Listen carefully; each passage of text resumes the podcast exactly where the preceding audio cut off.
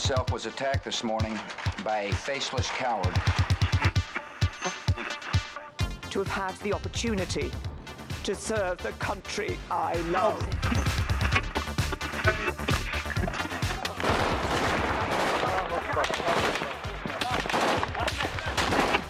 Den Einsatz für Frieden und Freiheit in Deutschland, in Europa und in der Welt. We will southern border. I beg you, please do not fail on this.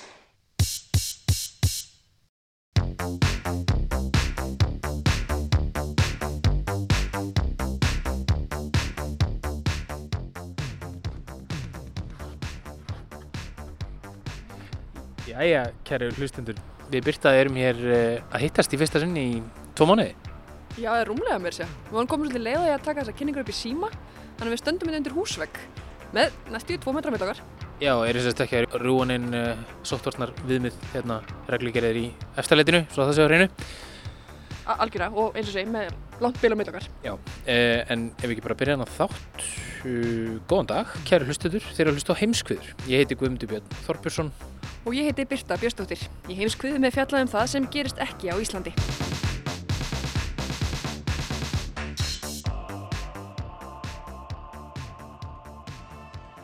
Í þættinum í dag koma tveir bandaríkjamenn talsvert í sögu. Annar þeirra heitir Joe Biden og langar að verða næsti fósitt í bandaríkjana. Hinn heitir Michael Jordan og er besti körfuboltamaður allra tíma. Já, og við fjöllum um ásakanir um kynferðsóbildi á hendur Biden og svo um nýju þættina um Michael Jordan, The Last Dance sem margir eru að horfa á. Og svo ætlum við líka að heyra af áhugaverðum vangaveltum um nýja heimsmynd eftir koronaviru faraldurinn. Já, við heyrum meira um það á eftir, en á meðan Donald Trump berst við koronaveiruna býður mótframbjóðandi hans í fósættakostningunum næsta haust, demokratin Joe Biden, rólegur átækta. En þó það gustu um Trump þessi dagirinn er ekki svo að það sé ykkur lokmalla í kringum Biden. Nýverið var hann ásakaður um alvarlegt kynferðisofbeldi af konu sem var aðstóðamaður hans snemma á tíunda áratögnum. Þetta er ekki í fyrsta sinn sem Biden er ásakaður um óviðegandi framkomi í garð kvenna, en þetta er í fyrsta sinn sem hann er sakaður um kynferðisofbeldi. En þrátt fyrir þessar alvarlegu ásakanir er lítið fjallaði málið í fjölmiðlum vestra, þar að segja í þeim fjölmiðlum sem þykja hliðhóllir demokrutum. Því sama má segja um flokksmenn demokrata. Getur verið að þörfin fyrir að koma Trump úr embætti í haust sé meiri en krafan um að hlustað verði á konu sem telli sig hafa orðið fyrir kynferðsofbeldi. Guðmundi Björn tekur nú við.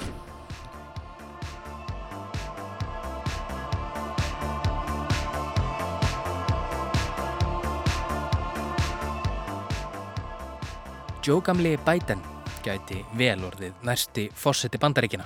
Þessi 78 ára Silfur Refur hefur verið í 50 ári í pólitík. Sleepy Joe Biden, eins og sitjandi fósetti kallar hann, þessi viðkunnulegi gamli kall sem brósir svo fallega.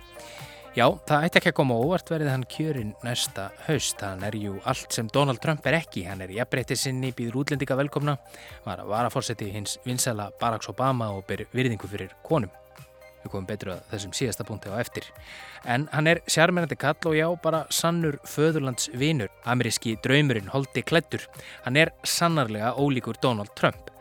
Já, fyrir utan það kannski að hann er nær áttræður, forríkur, kvítur, forreittindapési með teipi. En Joe Gamli Biden er líka einn af þessum köllum sem finnst gott að knúsa og kjassa konur aðrar en sína eigin. Og nú er hann sakaður um að gera gott betur en það, að hafa brotið kynferðislega gegn undirmanni sínum fyrir 27 árum. Er hann gamall perrakall eða er þetta allt saman einn stór miskilningur? Svo verist sem demokrater haldi það og margir af stærstu fjölmjölum Vestanhafs.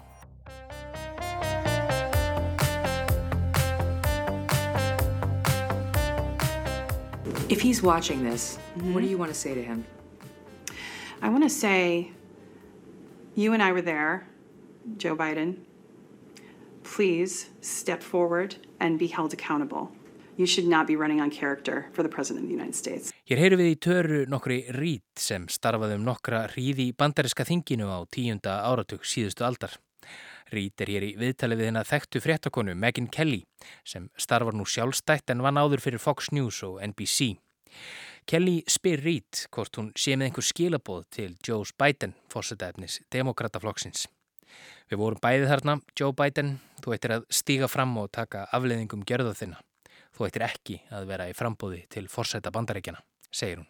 Tilefni viðtalsins eru ásakanir rít á hendur Joe Biden um að hann hafi áreitt sig kynferðislega þegar hún starfaði fyrir hann í bandaríska þinginum frá því desember 1992 til ágúst 1993. Rít greindi fyrst frá þessu í kaliforníska blaðinu The Union í fyrra. Þá saði hún að Biden hefði átt það til að setja hönd sína á öxl hennar og renna fingrinum sínum upp hálsin á henni.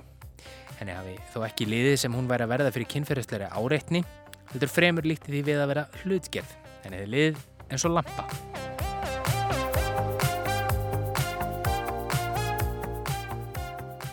En þann 25. mars síðastliðin hafði Rít aðra og alvarlegri sögu að segja í hlaðvarpstætti hjá bandariska reytumundinum og uppistandaranum Katie Halper og sagði að Biden hefði áreitt sig kynferðislega árið 1993. Hún hefði verið á leið til Bidens með sendingu þegar hann hefði mætt henni á ganginum og þrýst henni upp að vegg, henni að óvurum. We were alone and it was the strangest thing. There was no like exchange really. He just had me up against the wall. Reed segist að hafa verið í pilsi og engum sokkabugsum en það hefði verið sérstaklega hlít í veðri þennan dag. Biden hafi þrýst henni upp að köldum vegnum, sett hönd sína á klóf hennar og lóks stungið fingrum sínum inn í hana. his hands were on me and underneath my clothes. And um yeah, and then he went oh he went down my skirt but then up inside it and he uh penetrated me. Á sama tíma hafi hann kist hana og spurt hana hvort hún vildi fara annað. Hún ítti honum í burtu og þá hafi bætin orðið hissa. Ég held að hún kynni vel við mig, á hann hafa sagt. Rít segir heimsmynd sína hafa brotnað á þessu augnabliki.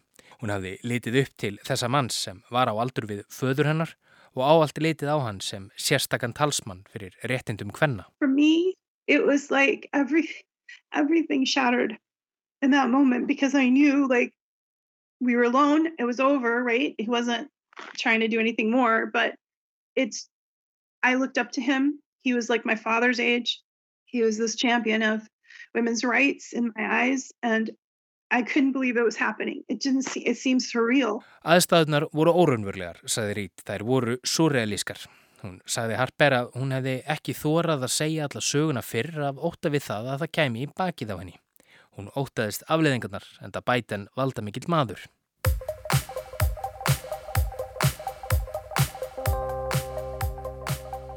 Þetta er ekki í fyrsta sinn sem Biden er sakaður um óviðegandi hegðun þótt ásakanir rít síðu þær fyrstu þar sem Biden er raunverulega sakaður um kynferðisbrot. Sjö aðrar konur hafa sakað Biden um að hafa snert sig á óviðegandi hátt eða hafa ruðustinn á þeirra persónulega svæði á þann hátt að þeim hafi liðið óþægilega. Lucy Flores, stjórnmálakona og röðum demokrata í Nevada, sakaðu á síðast ári Biden um að hafa gripið um axlir hennar, þefað af hári hennar og kist sig aftan á nakkan þegar hún gerði sig reyðubúna að ganga á svið á fjöldafundi í Nevada. Heilin á mér gæti ekki meðtikið það sem var að gerast. Ég fór hjá mér, ég var sjokkeruð og ringluð, skrifað hún í greinum reynslu sína á sínum tíma. Hún bætti því við að þótt þessi hegðun hafi kannski ekki verið ógnandi eða ofbeldisfull, hafi hún verið niðurlegandi og borð vottum virðingarleysi. Fleiri konur hafa svipað á sögu að segja. Amy Coll, fyrirverandi starfsmæður demokrataflokksins, segir bætin eitt sem hafa krist á sér axlunar og haldið utanum hana lengur en góðu hófi gegni. Viðbröðstjórin Sophie Karasek hefur talað um fræga ljósmynd sem náðist af hennu og bætin, þar sem sá síðarnemdi heldur um hönd hennar og stríkur henni um enni. Hún var þá 22 og segir bætin hafa farið yfir strikið. Amy Stokes Lappos, stunismæður demokrata í Connecticut, segir bætin hafa tekið utanum höfuð sitt og dreyið það nær sér. Ég held að hann væri að fara að kissa mig, sagði hún í samtalið við staðarblæð á síðasta ári. Þá sagði Caitlin nokkur Caruso, nefandi við háskólan í Nevada í Las Vegas, að bætin hefði tekið utanum sig á fjárublunarfundi 2016 og haldið sér helsti lengi.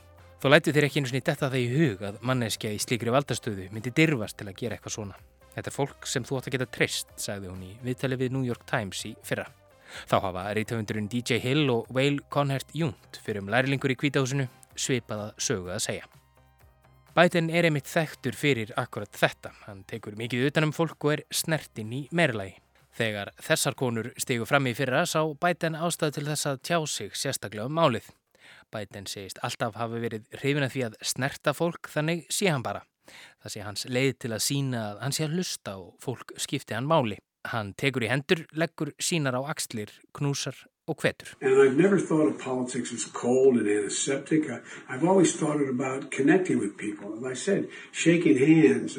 hands on the shoulder, a hug, uh, encouragement. And now, and now it's all about taking selfies together. Nú snúist þetta allt saman hins vegar um að taka sjálfur. En tímatnir hafi breyst og hann ætli að taka með af því. Uh, og hann svona bregst við og segir þú veist já ég er uh, sem einstaklingur ég snerti fólk og, og klappaði á aukslina og, og tek utan um það og, og ég átta mig á því að, að samfélagi hefur breyst frá því að ég var ungum aður og svona einhvern veginn reynir að rammet inn bara í, í uh, svona það að, að hann, hans hegðun sé gamaldags og hann þurfi einhvern veginn að, að læra að stilla sig af. Þetta er Silja Bára Ómarsdóttir, góðvinur heimskviða og dósend í stjórnmálafræði við Háskóla Íslands. Hún segir að í kjölfar þessa yfirlýsingar hafi rattir um óviðegandi hegðun Bidens nokkurn veginn fjarað út. En þegar Reid steg fram aftur í mars síðastlinum hafi þar orðið hávarar að nýju, enda ásakarnirnar öllu alvarlegri en áður. Hún sakar hann mér einhver um uh, kemferðsbrott. En þrátt fyrir þessar alvarlegu ásakarnir hefur þetta mál ekki fengið sérstaklega mikla umfjöllun í stærstu fjölmiðlum Vestanhafs. Mikið talað um þetta á Fox, sem náttúrulega hugmyndafræðilega ansnúið uh, Biden og, og hans uh, frambóði, en miklu minna hjá uh, öðrum stærri og sérstaklega lítið á, á stóru kapelsjómastöðunum. Það er kannski einmitt þessi punktur sem Silja Bára nefnir, sem er einna aðteglisverðastur í þessari sögu. Margir af stærstu fréttameilum bandaríkina hafa lítið sem ekkert fjallaðum ásakanir töru rít og þá sér í lagi sjónvarpsfréttastöðar. Að einhverju leiti þá held ég að það sannlega hafi áhrif að fjölmiðlar í bandaríkunum eru mjög afgerandi hliðhóllir ólíkum stjórnmálflokkum. Hvorki MSNBC nýja CNN hafa uh, tekið viðtöl við törurít sem að, að maður myndi haldað í svona stóri máli, máli sem að varðar uh, væntanlega fórseta frambjóðanda annars stæsta flokksins, að þá væri þessu gefið meira vægi. Hins vegar hafa bæði álitsgjafar og, og, og fréttamenn á, á Fox fjalla mikið um þetta. Hi, welcome to this busy Friday news night. Joe Biden once said, and I quote, When a woman alleges sexual assault, presume she is telling the truth. Needless to say, Biden has now done a complete 180. We'll call out the rampant hypocrisy coming up. Uh, Þarna heyrði við Sean Hannity, fréttamanni Fox News. Hannity er harður trömpari og leiðist við ekki að benda þann tvískinung sem Joe Biden veriðist nú segurum. Þegar hann reyfjar upp tveggjára gömul ummali Bidens þess efnis að segist kona hafa orðið fyrir kynferðisofbildi eigi maður að gera ráð fyrir því að hún sé að segja satt. Og það einabla þannig eins og Silja nefnir að sjómastöðarnar virðast nú í aðdraðanda kostninga verða enn skýrar í stuðningi sínu við demokrata annarsvegar og republikana hinsvegar. Fréttamenn Fox þreytast ekki að benda á þögn CNN og MSNBC þótt frjálslindir prentmiðlar hafi vissulega talað um málið. Þannig að, jú, ég held að þetta sé sannlega litað af uh, einhver, einhvers konar hugmyndafræði og, og að bætin hefur alltaf bara verið frekar vinsæl meðal fjöl, í fjölmiðlunum og, og að þau vilja ekki fjallum þetta vegna þess að þetta er óhefilegt. Já, þetta er sannlega óhefilegt en þótt þetta sé óhefilegt eru þetta alvarlegar ásakarnir og maður veltir fyrir sér hlutverki fjölmiðla þegar slíkt kemur upp.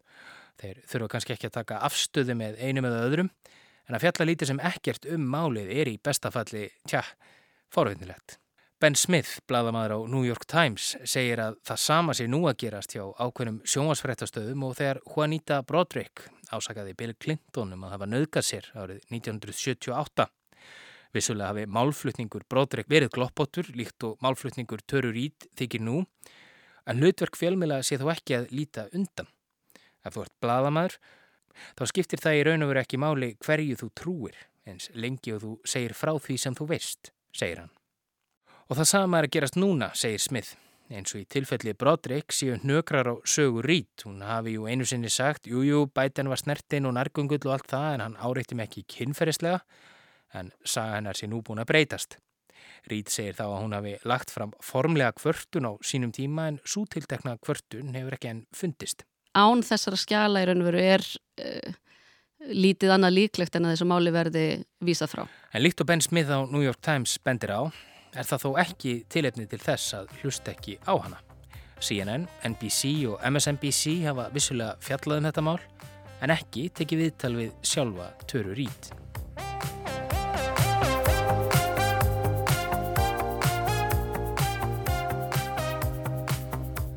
Þá hafa viðbröðin innan úr sjálfum demokratafloknum ekki síður vakið aðtekli eða öllu heldur skortur á þeim.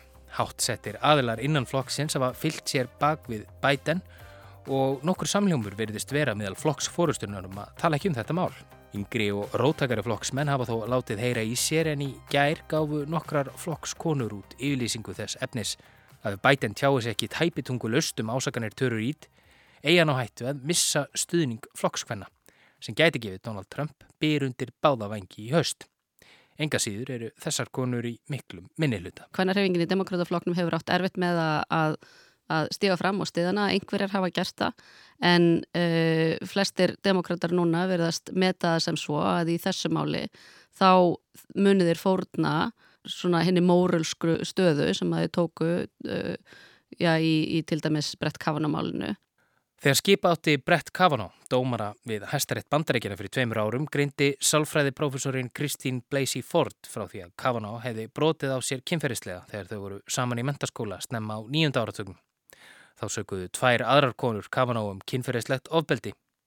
Málið vakti mikla aðtikli og helt dómsmála nefnd öldugadeildar bandarækjþings vittnaleðslur og kvítahúsið let rannsaka málið. Allt kom fyrir ekki og var Kavanaugh skipaður dómari á endanum. Demokrater fóru mikinn í þessu máli og voru ósáttir við rannsókn kvítahúsins á ásökunum kvennana og hvernig staðið var að henni. Þá ber einnig að hafa í hugað að demokrataflokkurinn fór sömu leiðis mikinn í MeToo-byltingunni svo kölluðu og í öllum þeim skítu á stormi eins og kannin segir sem engendi Donald Trump og hans samskipti við konur í aðdraðanda kjörs hans til fórsetta 2016. Demokrataflokkurinn gefur sig út fyrir að vera flokkur sem hlustar á konur og þá sérstaklega þegar þær segjast hafa orðið fyrir kynferðisleiri áreitni eða árás.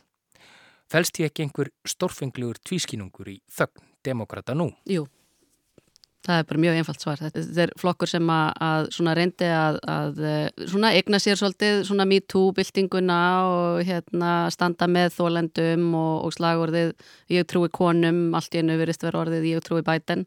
Þannig að, að þetta er bara, þetta er, þetta er mjög slæmt fyrir flokkin hérna, og sérstaklega þegar að áhrifamiklar konur innan hans uh, segjast frekar trúa já, gömlum hvítum karli frekar heldur en Uh, hérna, konu sem var ung og, og eh, átti, hérna, átti sitt lífsöðu væri undir, undir honum og því að vera honum þóknarlega. Uh, þetta er ekki stjórnmálinn sem að þau held ég að vilji yfka en, uh, en þau eru komin í það að þetta er þeirra frambjöðandi og, og þau þurfa að verja hann.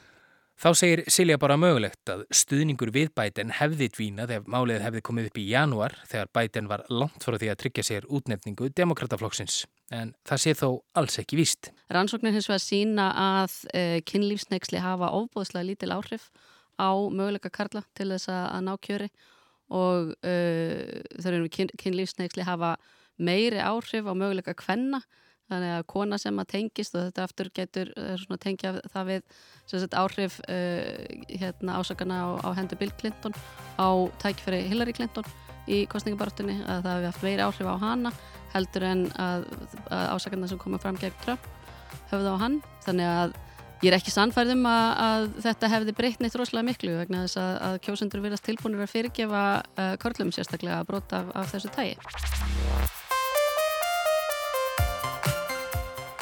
Og talandum þagnir og viðbrags leysi, hvernig hefur sjálfur Joe Biden brúðist við ásökunum Töru Rít? Ég greindi frá því fyrir í þessum pistli að hann saðist alltaf að hugsa sinn gang og hætta knúsa, kjassa og kissa fólk þegar konurnar sjö greindi frá óviðandi hegðun hans í fyrra. Þótt lítið hafi verið fjallað um ásakanir Rít á stærstu sjómasfréttastöðunum var Biden fengin í viðtala á morgunþætti MSNBC sem heitir því viðandi nafni Morning Joe þann 1. mæ síðastlinn. Þar fegst hann loks til að tala um þessar ásakanir. Aðspurður þvirtekur hann fyrir að hafa gert það sem Reed segir hann hafa gert. Þetta átti sér aldrei stað, segir hann. Would you please go on the record with the American people? Did you sexually assault Tara Reid? No, it is not true. I'm saying unequivocally, it never, never happened. And it didn't. It never happened. Þáttastjórnundin Mika Brzezinski ætlaði hins vegar ekki að sleppa bæten svona öðlega og benti honum á hvað hann hefði sagt þegar vittnarlega slutnar yfir brett kafan og stóðu yfir um að það eigi að ganga út frá því að konur sem segjast hafa árið fyrir kynferðisofbildi síðan segja satt. Egi það ekki við núna? Því svarar Biden með því að konur eigi rétt á því að það sé hlustað á þær en á lókum sé það þó sannleikurinn sem máli skiptir og í þessu tilfelli séu ásakanirnar ósannar. But in the end, in every case, the truth is what matters. And in this case, the truth is the claims are false. Biden þótti ekki koma vel út úr þessu viðtali en einhvað síður virðist sem stormin sé að læja. Það er að segja ef nokkur tíman hafi verið hægt að tala um einhvern storm.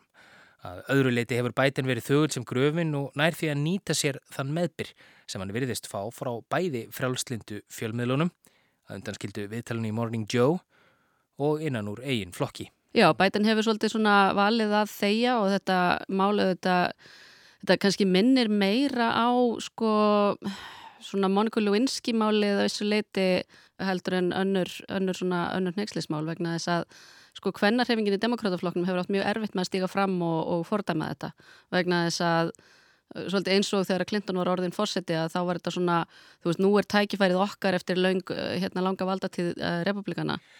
Segir Silja bara Ómarsdóttir. Getur verið að atbyrðarásin nú minni einmitt á það þegar Monika Lewinsky greindi frá ástarsambandi sínu við Bill Clinton þáverandi fórseta bandaríkjana um miðbygg tíunda áratúrins og flokksmenn stukku upp til að handa á fóta til að verja fórsetan. Nú þegar aðeins réttæpir sex mánuðir eru til kostninga. Þá er einnig verðt að taka fram að Biden hefur hingað til verið talin baróttumadur fyrir réttindum hvenna. Fyrir 26 árum voru samþygt tímamóta löga á bandaríska þinginu, frumvarp sem Biden lagði fram, sem gerði það verkum að ofbeldismenn sem löndu eiginkonur sínar gátt ekki lengur flúið yfir í næsta ríki bandaríkjana til þess að forðast refsingu.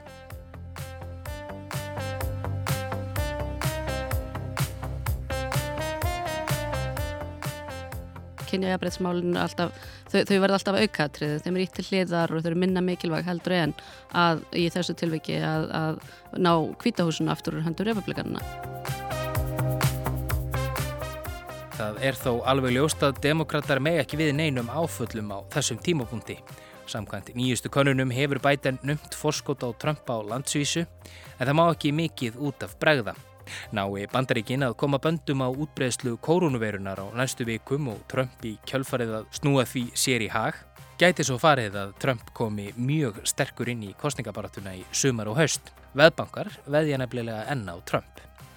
Mjög líklegt þykir að Trump gerir sér matur þessu máli fyrir en síðar en eftir stendur svo staðrend, segir Silja Bára, að þetta mál hafi ekki telljandi áhrif á möguleika Joe Bidens til að gegna ennbætti fórseta bandaríkjana. Ég býst ekki við að þetta hafi úrslita áhrif á uh, möguleika Bidens til þess að uh, ég halda uh, hérna, tilnefningunni og ekki endilega áhrif á möguleikans í kostningum. Það gæti verið að hann missi eitthvað fylgi frá konum út af þessu en hérna republikanaflokkurinn vann kvítarkonur síðast þrátt fyrir að, að þessar sambarilegar ásakanir væru á eða jáfnveil verri ásakanir væru á, á hendur Trump í, í, í þeirri kostningabaróttu.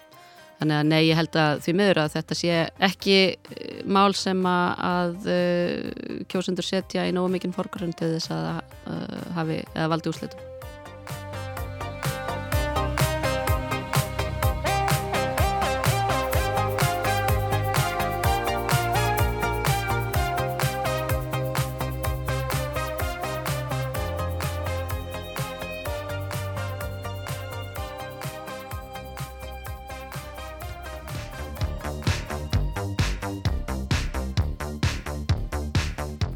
Heimurinn stendur á tímamótum vegna veirufaraldurs og ný heimsmynd er að verða til.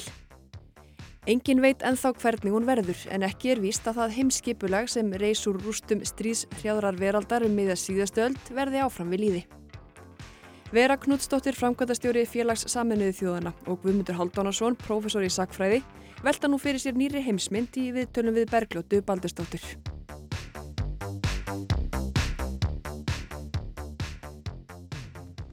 Er ekki rétt að nota orðið ný heimsmynd um hugtakið New World Order? Uh, jú, ég myndi halda það. Það væri bara hérna, mjög, mjög góð, góð þýðing, ný heimsmynd. Þetta er Vera Knútsdóttir. Hún er alþjóða öryggismála fræðingur og framkvæmdastjóri félags saminuð þjóðana. Hugtækið New World Order, nýtt heimskipulag, heyrist sífælt oftar þessa dagana í tengslum við COVID-19 faraldurinn og áhrifans á heimsbyggðina. Í kaldastriðinu var hugtækið New World Order notað af þeim sem aðhyldust samsæriskenningar af ymsu tægi.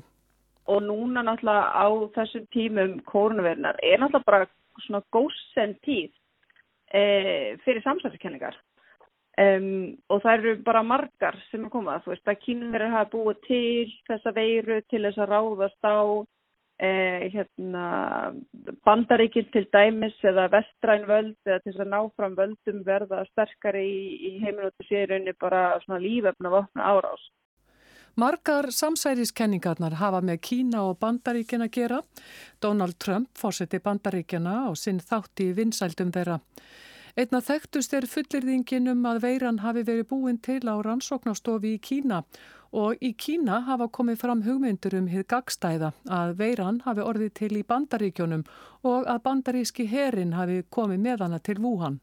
Heimskipulagið eða heimsmyndin sem við búum við núna var til eftir setni heimstjórjöldina. Today the allied world salutes these representatives of 50 nations. They have made a beginning, a brave beginning that can build a mighty structure for peace.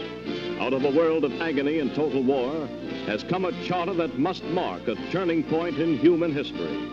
A new way lies ahead. The world must take this way through unity and cooperation to a lasting peace.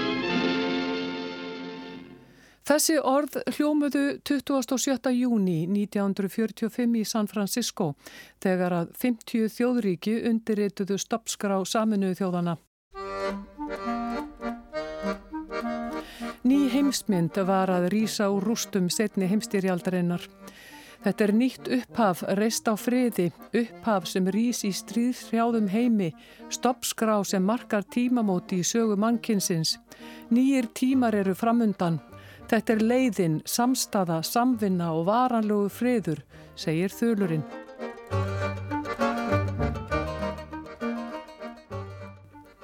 Nýja heimsmyndin beigði á samstarfi ríkja og til urðu stopnannir eins og Alþjóða Gjalderiðsjóðurinn, Alþjóða Heilbriðistofnunin, Alþjóðabankin, Alþjóða Viðskiptastofnunin og NATO og hugtækið Vesturland fættist. Aðeldaríki saminuðu þjóðan eru núna 139 og þessi heimsmynd sem þölurinn lýsir hefur tekið ymsum breytingum á þeim 75 árum sem hafa liðið. Guðmundur Haldanásson er professor í sakfræði við Háskóla Íslands. Og það er alveg ljóst. Það verður verða gríðarlega breytingar í svona eiginlega kannski tveimur stökkum eftir síðari heimströld. Fyrsta lagi strax eftir styrjalduna sjálfa og með kaldastriðinu. Það sem að bandaríkin og, og sovjetríkin svona eiginlega skiptið heiminum og bandaríkinn kom að stíga inn í, inn í heimistmálin að fullum þunga og verða svona þetta leiðandi, leiðandi ríki í, fyrir svona þetta, getur sett henni gæslappa kannski veldrarna skipula.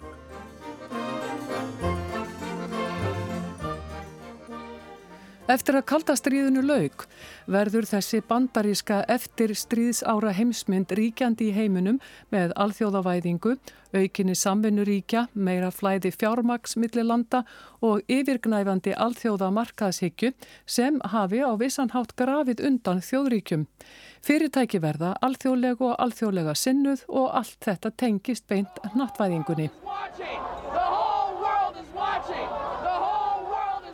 Ekki voru allir sáttir við náttvæðinguna. Mótmæli fóru vaksandi og gáttu orðið ansi hörð eins og til dæmis í Seattle í Bandaríkjónum árið 1999 þegar að þar var haldinn fundur alþjóða viðskiptastofnunarinnar. Mótmælin stóði í heila viku.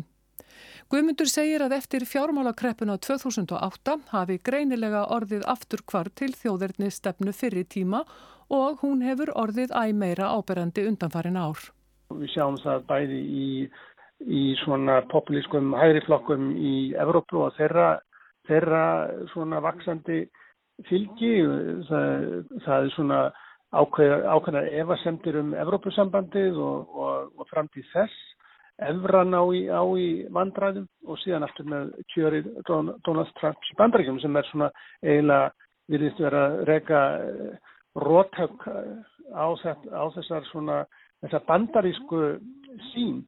8. mars, þegar ríki heimsins held upp á að 75 ár voru liðin frá því að setni heimstyrjöldinni laug, listi Antonio Guterres, aðalritari saminuðu þjóðana, yfir áhyggjum sínum af ástandi heimsmála í viðtali við Breska ríkisútarpið.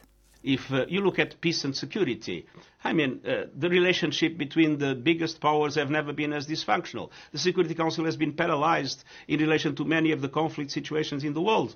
Uh, Vandamálinn hafðu rannast upp áður en faraldurinn hófst, segir Guterres. Alþjóðlegt samstarf hafi aldrei fyrr verið einn slæmt og nú. Öryggisráðið hafi verið óstarfsæft í mörgum deilumálum og erfilega hefur gengið að samina fólk í baráttunni við lofslagsbreytingar. Við þurfum að tryggja að fólk skilji að ógnirnar eru alþjóðlegar. COVID-19 er einn til viðbótar. Lofslagsbreytingar voru þegar orðnar vandamál og hriðjverk einnig.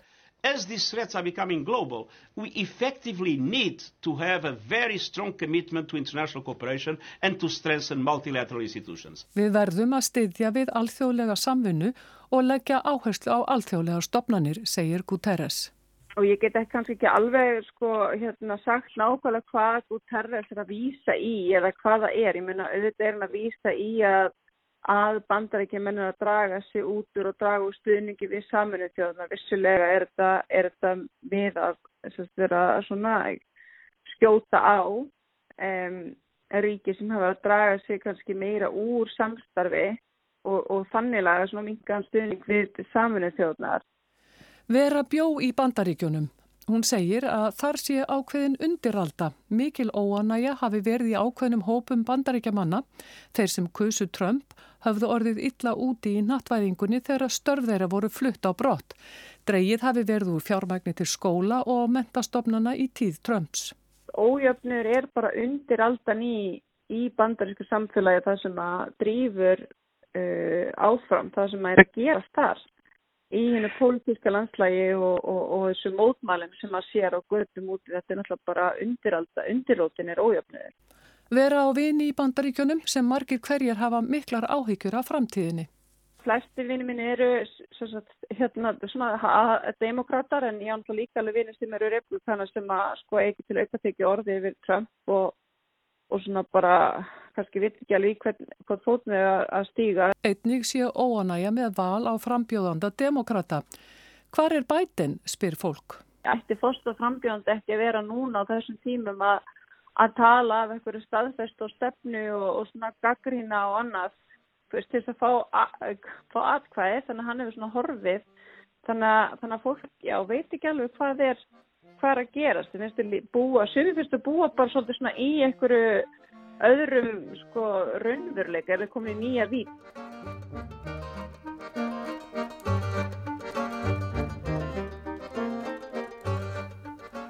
Á sama tíma og þetta er að gerast eru vísindamennum heim allan að taka sér saman og ebla samstarf sitt. Núna standi yfir mjög upplugt fjölþjóðlegt samstarf vísindamanna til að finna bóluefni við COVID-19. Pólitist samstarf sé hins vegar að dala bandaríkinn sem hafa verið heimsveldið frá, uh, frá hérna lokum kaldastriðsins er komið núna en að það sem að vittnar í þessar stjórnmálafræðkenningar að, að, hérna, að það er svona hnygnandi ríki og, og það, veist, Kína er rýsandi ríki. Bandaríkin höfðu áður en koronaveiru faraldurinn kom upp, dreyið sig út úr samstarfi við Íran. Vera segir að það hafi verið slæmt því þó að gallar hafi verið á þeim samningi hafi samstarfið gengið ágætlega. Einnig sé hægt að tólka brott fyrir breyta úr Evrópusamstarfinu sem afturför í fjölþjóðarsamstarfi. Á sama tíma og dreyðir úr samstarfi á einum stað er það að aukast á öðrum vettvangi, til dæmis hjá þessum svokölluðu BRICS-löndum, Brasilíu, Rúslandi, Indlandi og Kína. Þetta eru rýsandi veldi veist, það er mikið samstarf þar á milli, það er að aukast, um, það er hérna uh, samstarf líka veist á milli Afrikuríkja, þau náttúrulega sér bara veist hérna Afrikubandalægið, um, þannig að það er, það er ekki eins og að, að, að hnygnunum einu stað því að það sé, verði heilt yfir. Breski profesorinn Michael Clark segir í viðtali á vef Breska ríkisútvarfsins um hérna nýju heimsmynd sem nú sé að verða til að hún kvíli á þeirri einföldu staðrind að helmingur mannkins býr á svæði sem afmarkast af Indlandi, Kína og Suðaustur Asju. En í heimsmyndinu sjálfu þá er Kína náttúrulega hérna rísandi veldi og, og eru komið ítök alls það. Ég meina þeir eru að byggja, hérna, byggja upp innvið í Afriku um, og eru þannig að tryggja sko, aðgengja sitt af uh, hérna, grunnefnum þeim sem þau þurfa í framleiðslu og allir því sem við erum að passa frá Kína. Við mögum ekki gleyma því að það eru við sem erum ástæða þess að Kína getur vaksið og orðið af áhrif þessu sterkt veldi og þeir í dag. Það eru ennþá, þetta eru mjög sterk öll í bandaríkanum sem að, sem að vilja viðhalda þessu alþjóðlega hlutverki bandaríkjana gegnum tíðina, þessu bæði þessu þá pólitiska hlutverki og þessu efnarslega og það eru þetta líka mjög ákveðin öll í bandarísku efnarslífi sem sem að horfa á þetta með ákveðin skjelvingu ef að, að bandaríkin er að byggja tollamúra og annars skipt í kringum sig. Guðmundur segir að nögratnir sem hafa verið í samskiptum Kína og bandaríkjana séu svo litið ógnveikjandi. Kínuverar eru og Kína stjórnvöld eru mjög svona Eh, ákveðin í því að, að Kína verði eh, aðstórveldi, það er bara stemt af því lengt og ljóst. Og það svona stefnir í þá ákveðina samkjafna við bandarækinu og Kína. Eh, en það er, það er líka með þetta eins og annað, það er auðvitað fyrir bara aldrei mikið eftir í hvernig, hvernig hlutinu þróast á, á næstu árum sem er auðvitað eða útlokkar að segja tilum. Já, ég held að svona með áhrifin sem er eftir að koma langtíma þá getur við meitt vísaði Óla Ragnar sem sagði uh, you ain't seen nothing yet veist, við, það óeftir að koma ennþá meiri skellur uh, vegna þess að við vitum ekki hvað þetta ástand verður lengi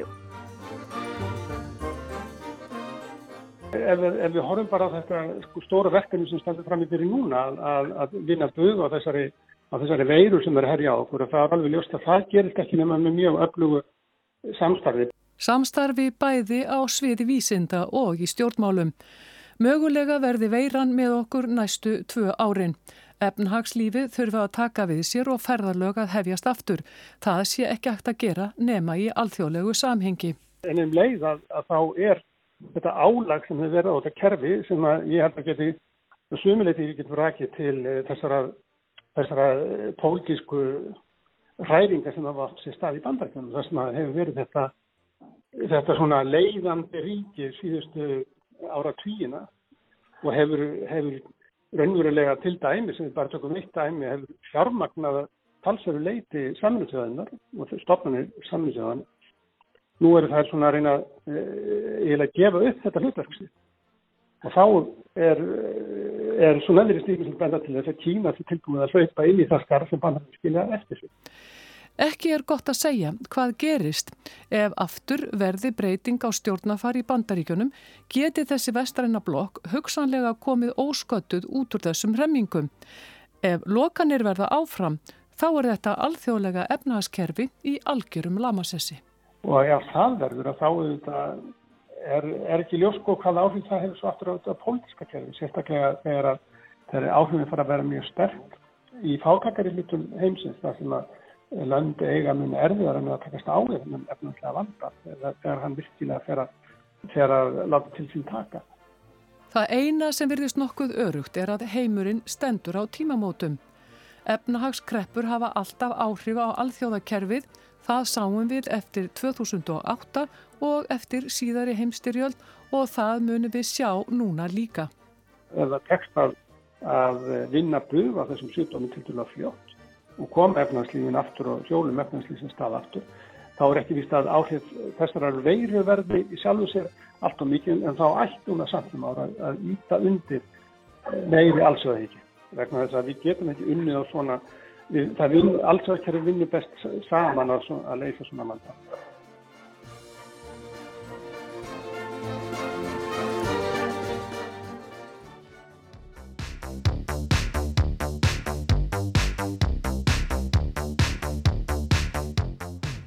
Já, Byrta, sem við stöndum hér undir húsvegg uh, fyrir utan eftirleitið langar mig að spyrja, hver er þín fyrsta minningum Michael Jordan? Sko það er góð spurning og ég held að þessi spurning sem margir eru búin að velta fyrir sér daldið undan farin misseri. Ég held að sko sérstaklega kannski ef maður tekur Jordan sjálfan út fyrir sviga þá veist er þetta bara svona tímabil þegar hann var á hátpunkti ferilsins sem að maður mann svo vel eftir sig bæðið sem sko batn og úlingur. Minningarnar tengjast kannski helst köruboltamyndum sem að ég manna stjúbróðu minn og svo allir strákanir í bekknum söfnuðu. Ég var reyndar ekki í því við stelpunni voru meira svona spá í hvort okkur finnst sætari Michael Jordan eða Charles Barkley. Mm. En þú? Já, það er eiginlega, sama sko. Ég, ég var í köruboltamyndunum og bróði minn líka, hann, hann átti rosalegt safna myndum, uh, myndum af Jordan. Uh, Fágættar myndir sem verður nú gaman að finna held ég. En við erum náttúrulega að tala um þetta út af þessum þáttum The Last Dance sem hafa eiginlega tröllriðið öllu í, í samkomi banni á Netflix. Það eru bara allir að tala um Michael Jordan núna, ekki satt? Jú, algjörlega. Uh, þú ert vantilega búin að horfa á þættin eins og allir, hvernig finnst þið þér? Mér finnst þeir stórgóðir en mitt áhrif skiptir kannski ekki öllum máli hér. Okkur langaði að fjalla aðeins um þetta hérna í heimskuðum. Já, hvað gerði Michael Jordan að stæstu stjórnu bandaríska körubóltans og íþrótta um allan heim? Og hvað hefði breyst ef að Jordan hefði nýtt þau völd og áhrif sem að í þessu fólust til að bæta heiminn? Stiðja til dæmis við réttindabáratu svartra á krafti, að sama krafti og gerði hann af þeim lang besta á vellinum, í stað þess að sitja á hlýðalínunni. Það er Bjarni Pétur Jónsson og Michael Jordan sem taka nú við.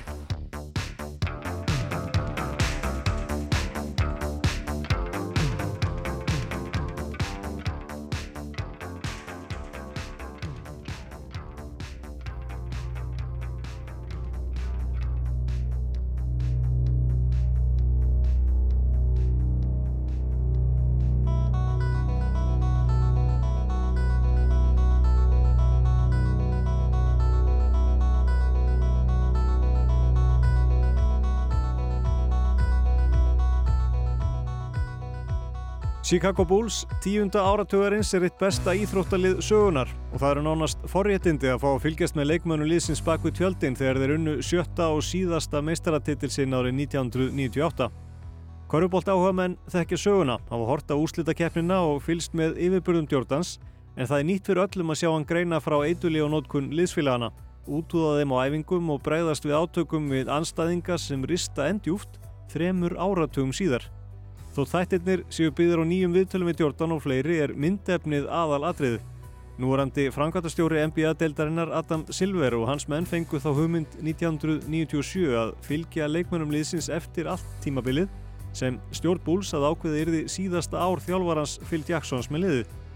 Þetta var því loka hnekkurinn, síðasta tímabilið undir hans stjórn sem Jackson kallaði The Last Dance.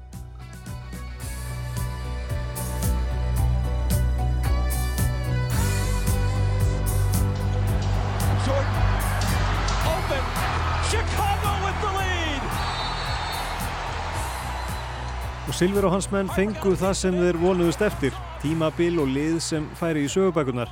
Þetta var annað skipti á átta árum sem Bulls tókst að vinna meistaratitilinn þrísvar í röð, en það var aðeins örfa og önnur liðleikið eftir. Og fyrirmyndin var sótt í myndum ísokki-lið á nýjunda áratögnum, The Boys on the Bus, þar sem leikmannum Edmonton Oilers var fyllt eftir allt tímabilið. Það var nánast óhugsandi á þessum tíma sumari 1997 að myndatökumenn fengjunar óheft aðgengi að Michael Jordan, sem var allt í senn besti korfuboltamaður heims, frægasti einstaklingurinn og verðmætasta vörumerkið. Hann átti mikið undir því að lenda ekki í fjölmiðlafári eins og hafði gess og oft árin þar á undan. Með spilafíknina döða föður hans og átökin í kringum draumalið olimpíuleikana í Barcelona 1992. En tökuvélarnar fengu að rúla og alls 500 klukkutímar á efni fóru orumlega 3016 mm filmurúlur og svo beint í geimslu. Og þar sátu þær þar til sumari 2016 í um tvo áratví því að samkómulag Silvers og Jordans var á þó leið að efnið yrði ekki nota nema með samþykki þeirra begja. Og Jordan beigði í 20 ár sem er nánast óhugsandi á tímum samfélagsmiðla þegar nánast allt gerist í rauntíma og frétta og myndefni rennur sitt skeið á nokkrum klukkustundum eða dögum. Og í því fælst sérstaða þáttana, þeir sem eldri eru og horfa á leikina þekkja yfirbyrði Jordans og vellinum, en þeir sem komist til vits og ára á tíund áratögnum fá líklega alveg sérstatt nostalgíu kast að geta fylst með því sem framfóri í búningsherbygginu eftir leikina, sem áttu eftir að verða þeir síðustu sem Jordan spilaði fyrir Chicago Bulls.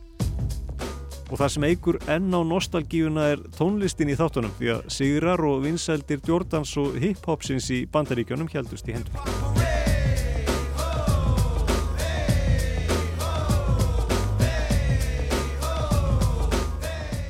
Framöfu komið gaggríni á aðstandendur þáttana og leikstjóran Jason Heer frá kvikmyndagerðamönnum og fleirum sem efast um að þættirnir síni rétt að mynda á Jordan. Heldur fremur þá sem hann vilji sjálfur sína en Jordan er einn framleiðanda. Hlutleysi framleiðandana er því dreyið í Eva og því er líklega rétt að líta á þættina fyrir það sem þeir eru. Saga Jordans og Chicago Bulls sögð af Jordan því það var hans ákvörðum hvað fengi að vera með og hvað ekki. Grundvallagildi bladamennsku eru því látin lönd og leið en það kemur kannski ekki óvart í Jordan er afar umhugað um ímynd sína. Vörumerkið Jordan er enn eitt það vermaðasta innan bandarískra íþrótta og þótt miklu víðar væri leitað. Hæst launuðu íþróttamennir í bandaríkinum í dag eru flestir úr NBA-deildinni og hver með sinn samning við sporturuframlegendur. En enginn þeirra kemst í hálfkvisti við Jordan, tæpum tveimur áratugum eftir að hann hætti. Hann fekk um 200 miljónir bandaríkjadala frá Nike fyrra en LeBron James kemur næstur með 47 miljónir. Árið 2016 seldust fleiri Jordan skór en allar hinnar kauruboltastjörnundar seldu til samans og skósala var þeim tilipnið að einum umdeildustu ummælum Jordans. Republicans buy sneakers too. Uh. Uh -huh, yeah. Republikanar kaupa líka strygarskó og með þessu þótti Jordan sína að hann tæki gróða og eigin ímynd fram yfir grungildi, jafnrétti og mannettindi. Þetta sagði Jordan í bladaviðtali árið 1990 þegar hann var spurður hvers vegna hann stitti ekki demokrattan Harvey Gantt sem sótist eftir því að verða öldungadeildar þingmaður Norður Karolínu heimaríki Jordans og verða þar með fyrsti þeldu ekki öldungadeildar þingmaður ríkisins og einn af aðeins örfáum sem setið hafa í efri deild bandarækjathings. Núna sitja þrýr þeldökkir þingmenn í öldungadeildinni af hundrað en þeir fyll ekki eins og týjinn sem hafa setið í efri deild bandaríska thingsins frá því svörtum var gert kleift að bjóða sig fram til þingmennsku árinni 1870. Harfi Gant bauð sig fram gegn sitjandi þingmanni Jesse Helms sem var umdeildur republikani og hafði ítrekkað opimberað kynþáttahattur sitt, meðal annars með auglýsingu skömmu fyrir kostningar gegn frumvarpi sem var ætlað að tryggja svörtum jöfn tækifæri á vinnumarkaði. You needed that job and you were the best qualified, but they had to give it to a minority because of a racial quota. Is that really fair? Harvey Gantt says it is. Markir kvöttu Jordan til að styðja Gant, meðal annars móður hans, en hann kausað gera það ekki og í það minnsta ekki ofinbælega. So, you know, I'd rather get behind closed doors than to be out there in the, in, in the spotlight to be taking shots from everyone that really don't know you as a person. If I had the chance to do it all over again, I would never want to be considered a role model. It's like a game that's stacked against me. You know, there's no way I can win. Gant tapaði nömlega fyrir Jesse Helms og óvist hvort stuðningur Jordans hefði duðað til. En miklum völdum fylgir mikil ábyrð og Jordan hefur tekið sér mun stærra samfélagslegra hlutverk síðustu ár. Hann stutti Barack Obama þegar hann sóttist eftir endurkjöri, mótmælti lögreglu ofbeldi gegn svörtum þegar það komst í hámæli 2016 og stutti bæði NFL-leikmenn og LeBron James í baróttu þeirra og orðaskaki við Trump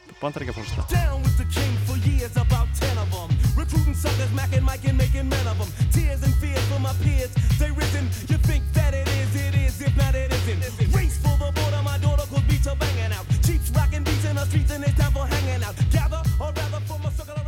Og kannski sér Jordan eftir öllu saman. Hann segir að umælinum skókaup republikana hafi verið grín og hann hafi ekki haft baráttumannin í blóðinu eins og boksarin Muhammad Ali. Everybody in the world respects Muhammad Ali. You know why? Because he stood for something. He stood for something even if it meant sacrificing a payday. We respect that. Ultimately, Michael Jordan may be forgotten. Muhammad Ali won't be forgotten. I do commend Muhammad Ali for standing up for what he believed in, but I never thought of myself as an activist. I thought of myself as a basketball player. I wasn't a politician when I was playing my sport. You know, I was focused on my craft. Was that selfish? Probably, but that was my that was my energy. That's where my energy was. Jordan segist fyrst og fremst af einbett sér að köruboltaferlinum og ekki vilja blanda pólitík inn í hann og þeim sem fylgjast með þáttunum dilst ekki að það reyndi á. Fjölmiðla aðteklin átti sér fá fordæmi og bladamenn dilgjuðu meðal annars um að spilafík Jordans hefði tengst dauða föður hans. á þess að nokkur fótur væri fyrir því en James Jordan var skotin til bana sumarinn 1993 og fljóðlega eftir það tók Michael Jordan sér átján mánáða hlýja frá korubólta. Það er því að mörguleiti skiljanlegt að Jordan hafi ekki vilja láta til sín taka á opimberum vettvangi eins og Ali sem neytaði gegna herþjónustu og mótmælti Vietnamstríðinu og galt fyrir það dýru verði en hann fikk ekki keppa í fjögur ára meðan domstólar skáru úr um hvort hann hefði mátt neytaði gegna herþjónustu.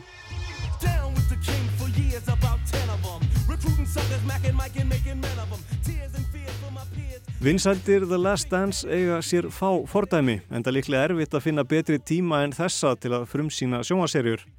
Útgáðu hennar var flýtum nokkra vikur vegna koronaviru faraldursins. Rúmlega 6 miljónir fylgjast með þáttunum í beitni útsendingu í bandaríkunum sem slæri öll með og enn fleiri horfa á Netflix þegar þættirnir byrtast þar stuttu síðar. En einu sinni hefur Michael Jordan því náð augum og eirum heimsbyðarinnar og dreyið aðdáðundur sína og fjölmarka aðra sjónvaskjánum. Ég geri allt til að vinna, segir Jordan í þáttaröðinni og þetta við horfir heillandi en um leið átakanlegt að fylgjast með hvaða áhrif þessi þörf til að sigra hefur á hann og þá sem er í kringum hann. Síðustu tveir þættir sem byrti voru í byrjunvikunar fjöldluðum liðsfélaga Jordans og hversu erfitt var að spila með honum. En loka þættirnir sem byrtast eftir helgi fjallaðum það sem var af tvennu íllu markvallt erfiðara að spila gegn honum.